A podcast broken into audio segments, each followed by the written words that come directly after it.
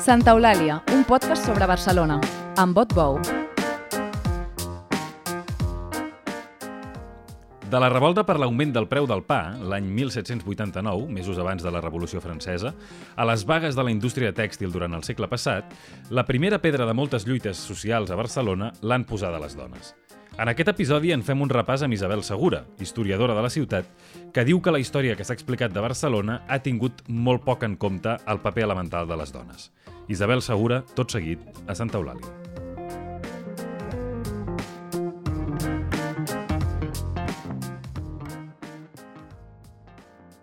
Isabel Segura, benvinguda a Santa Eulàlia. Gràcies. Un plaer tenir-la aquí. Igualment. Escolti, vostè es defineix, vaja, no és una etiqueta inventada per vostè, però com, com a historiadora de la ciutat, que la ciutat és una cosa eh, clàssic, una idea, un lloc associat clàssicament a la, a la velocitat, al, al, al present, al canvi, al, a, a, no sé si comparteix aquesta imatge, però no sé si això fa particulars als historiadors i les historiadores de la ciutat respecte d'altres historiadors. No sé si els fa tenir una relació diferent amb el present o amb l'entorn.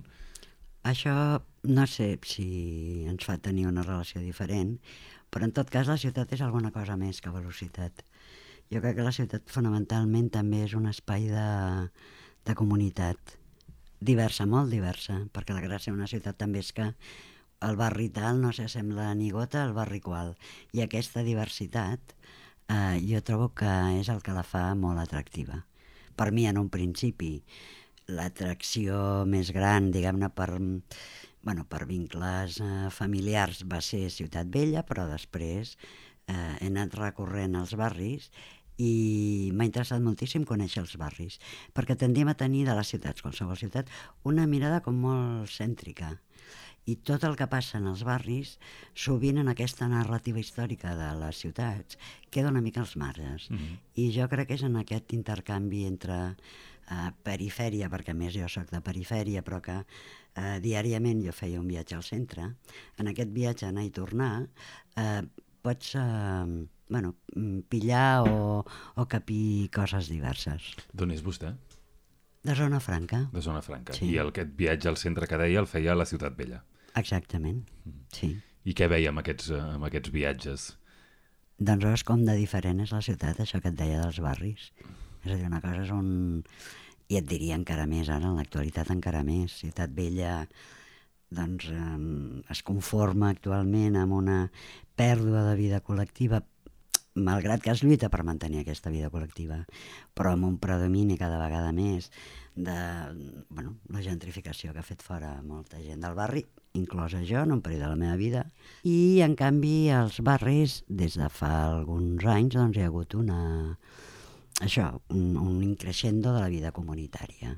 Eh? I vostè sé que ha tingut molta curiositat per conèixer també altres ciutats, per no quedar-se només en Barcelona, no? Té un llibre sobre l'Havana, té un llibre sobre la, la relació triangular entre Barcelona, Nova York i Chicago, que són tres ciutats que no són capitals però aspiren a ser-ho.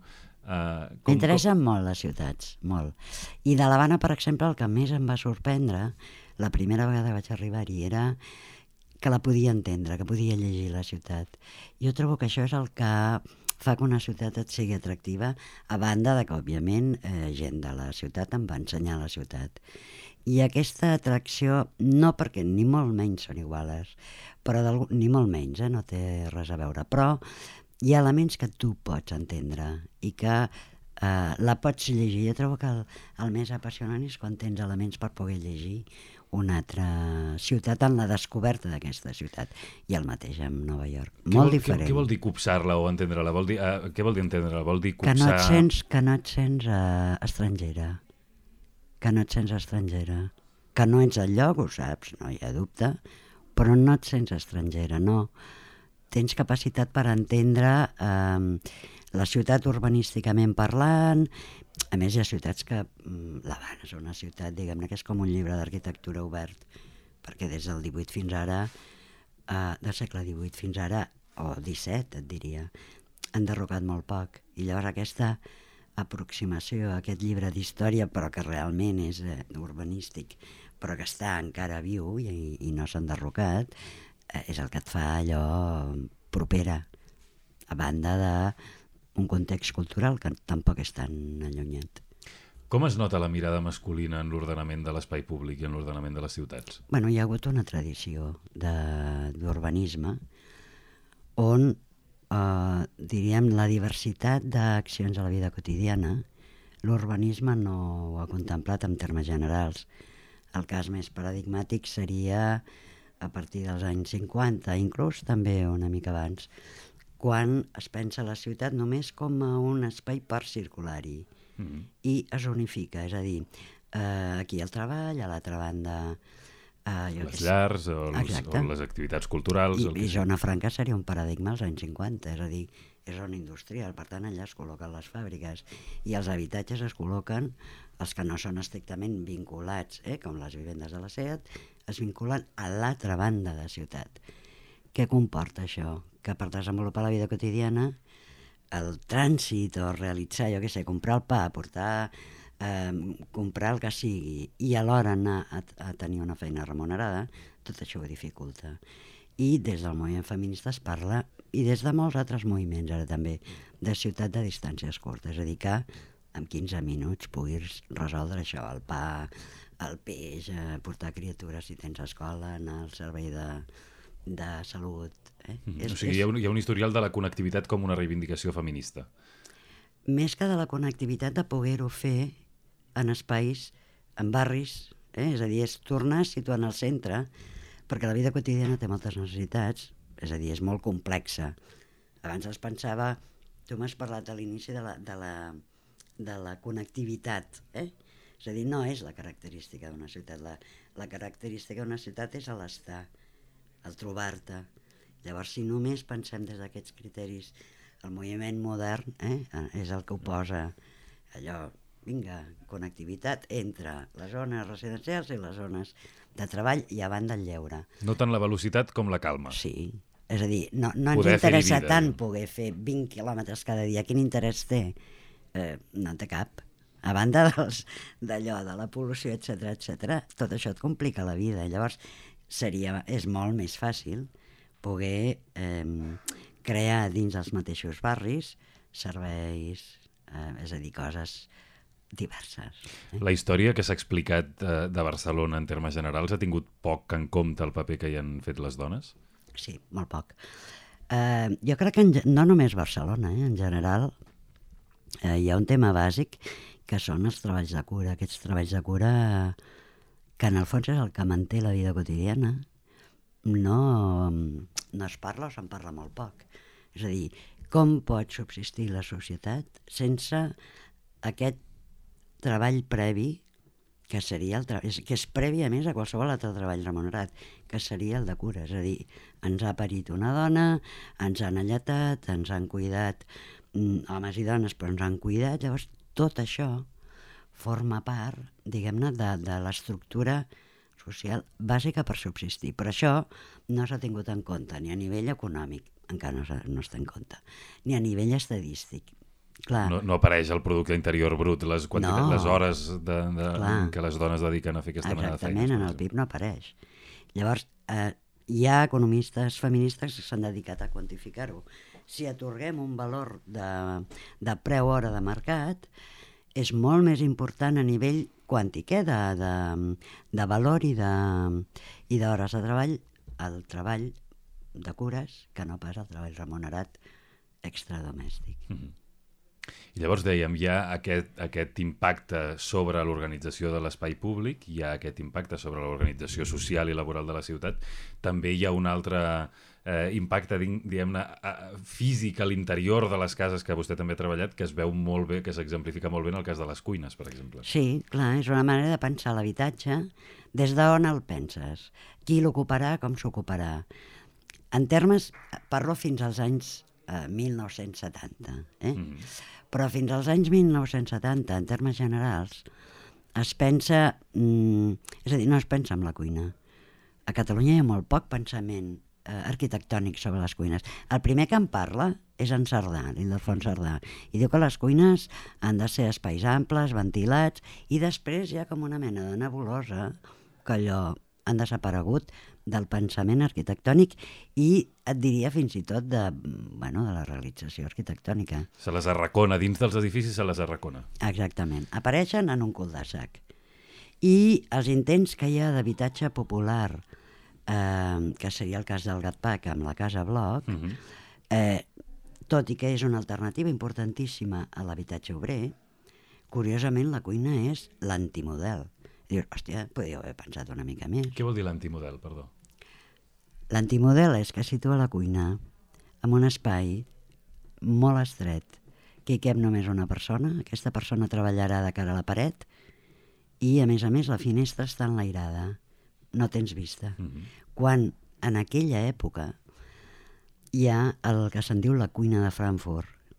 Es construeixen milers i milers de cuines que fan un model que és de la Libotsky, un arquitecte, i és un model de cuina que, primer, pots veure tot el que vulguis. Està cèntric, estàs... en l'edifici hi ha grans finestrals, hi ha... Bueno, la cuina està situada davant d'un finestral.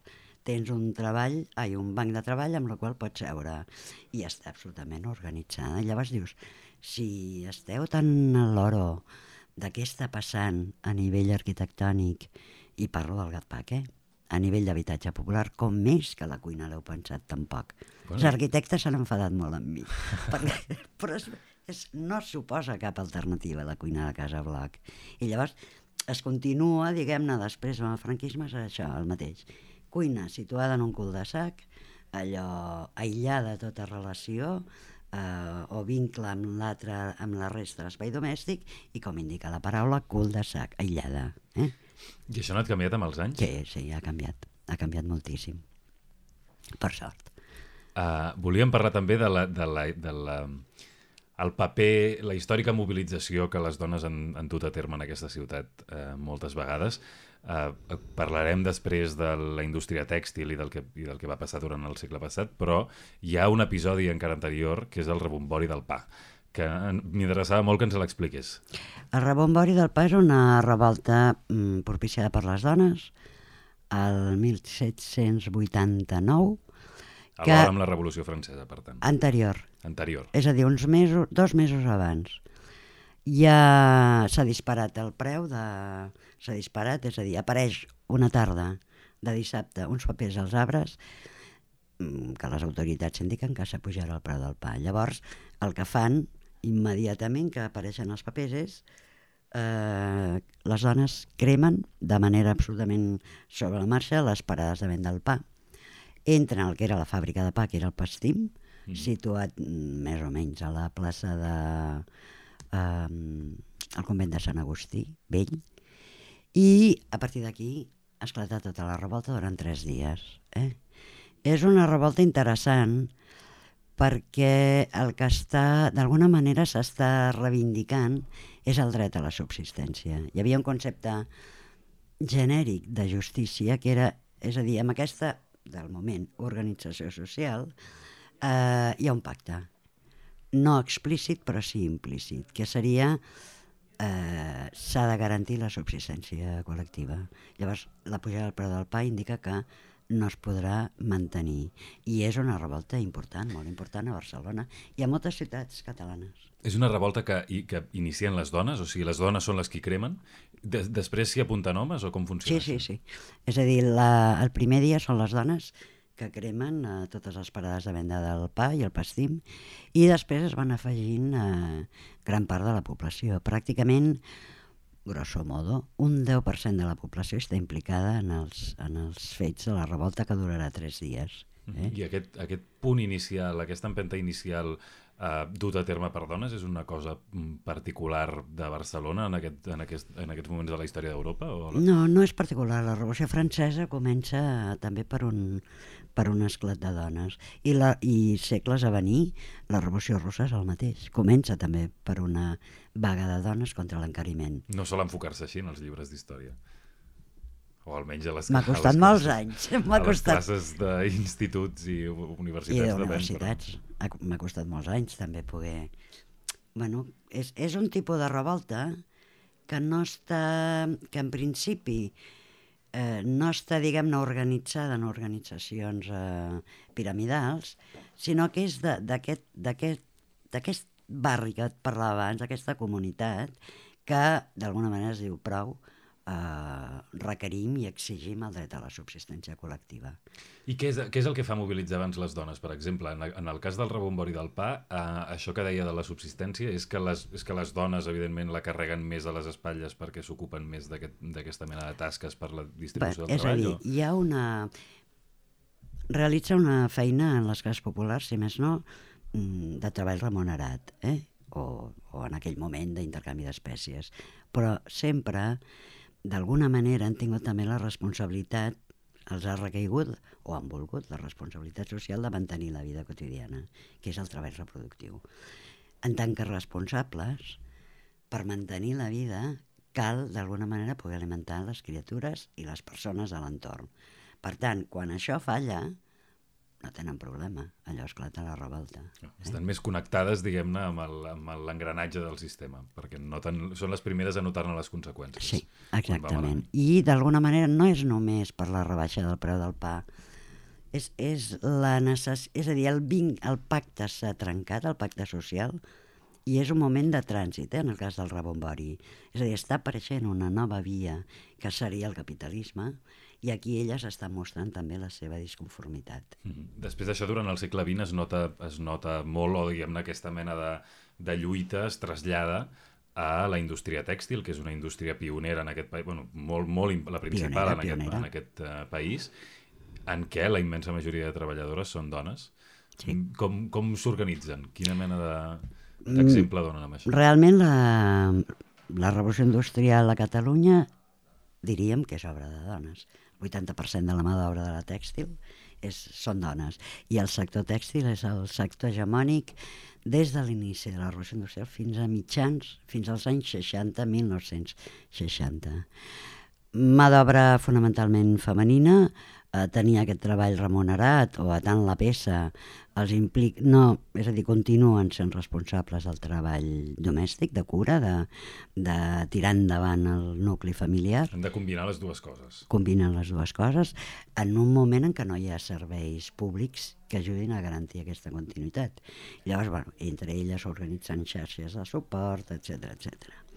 Um, i eh, passa també una mica amb, amb un episodi concret, passa molt eh, al llarg de tot el principi del segle XX, però en un moment determinat, 1918, arran de la, de la Primera Guerra Mundial, es disparen els preus dels aliments i convoquen una vaga general.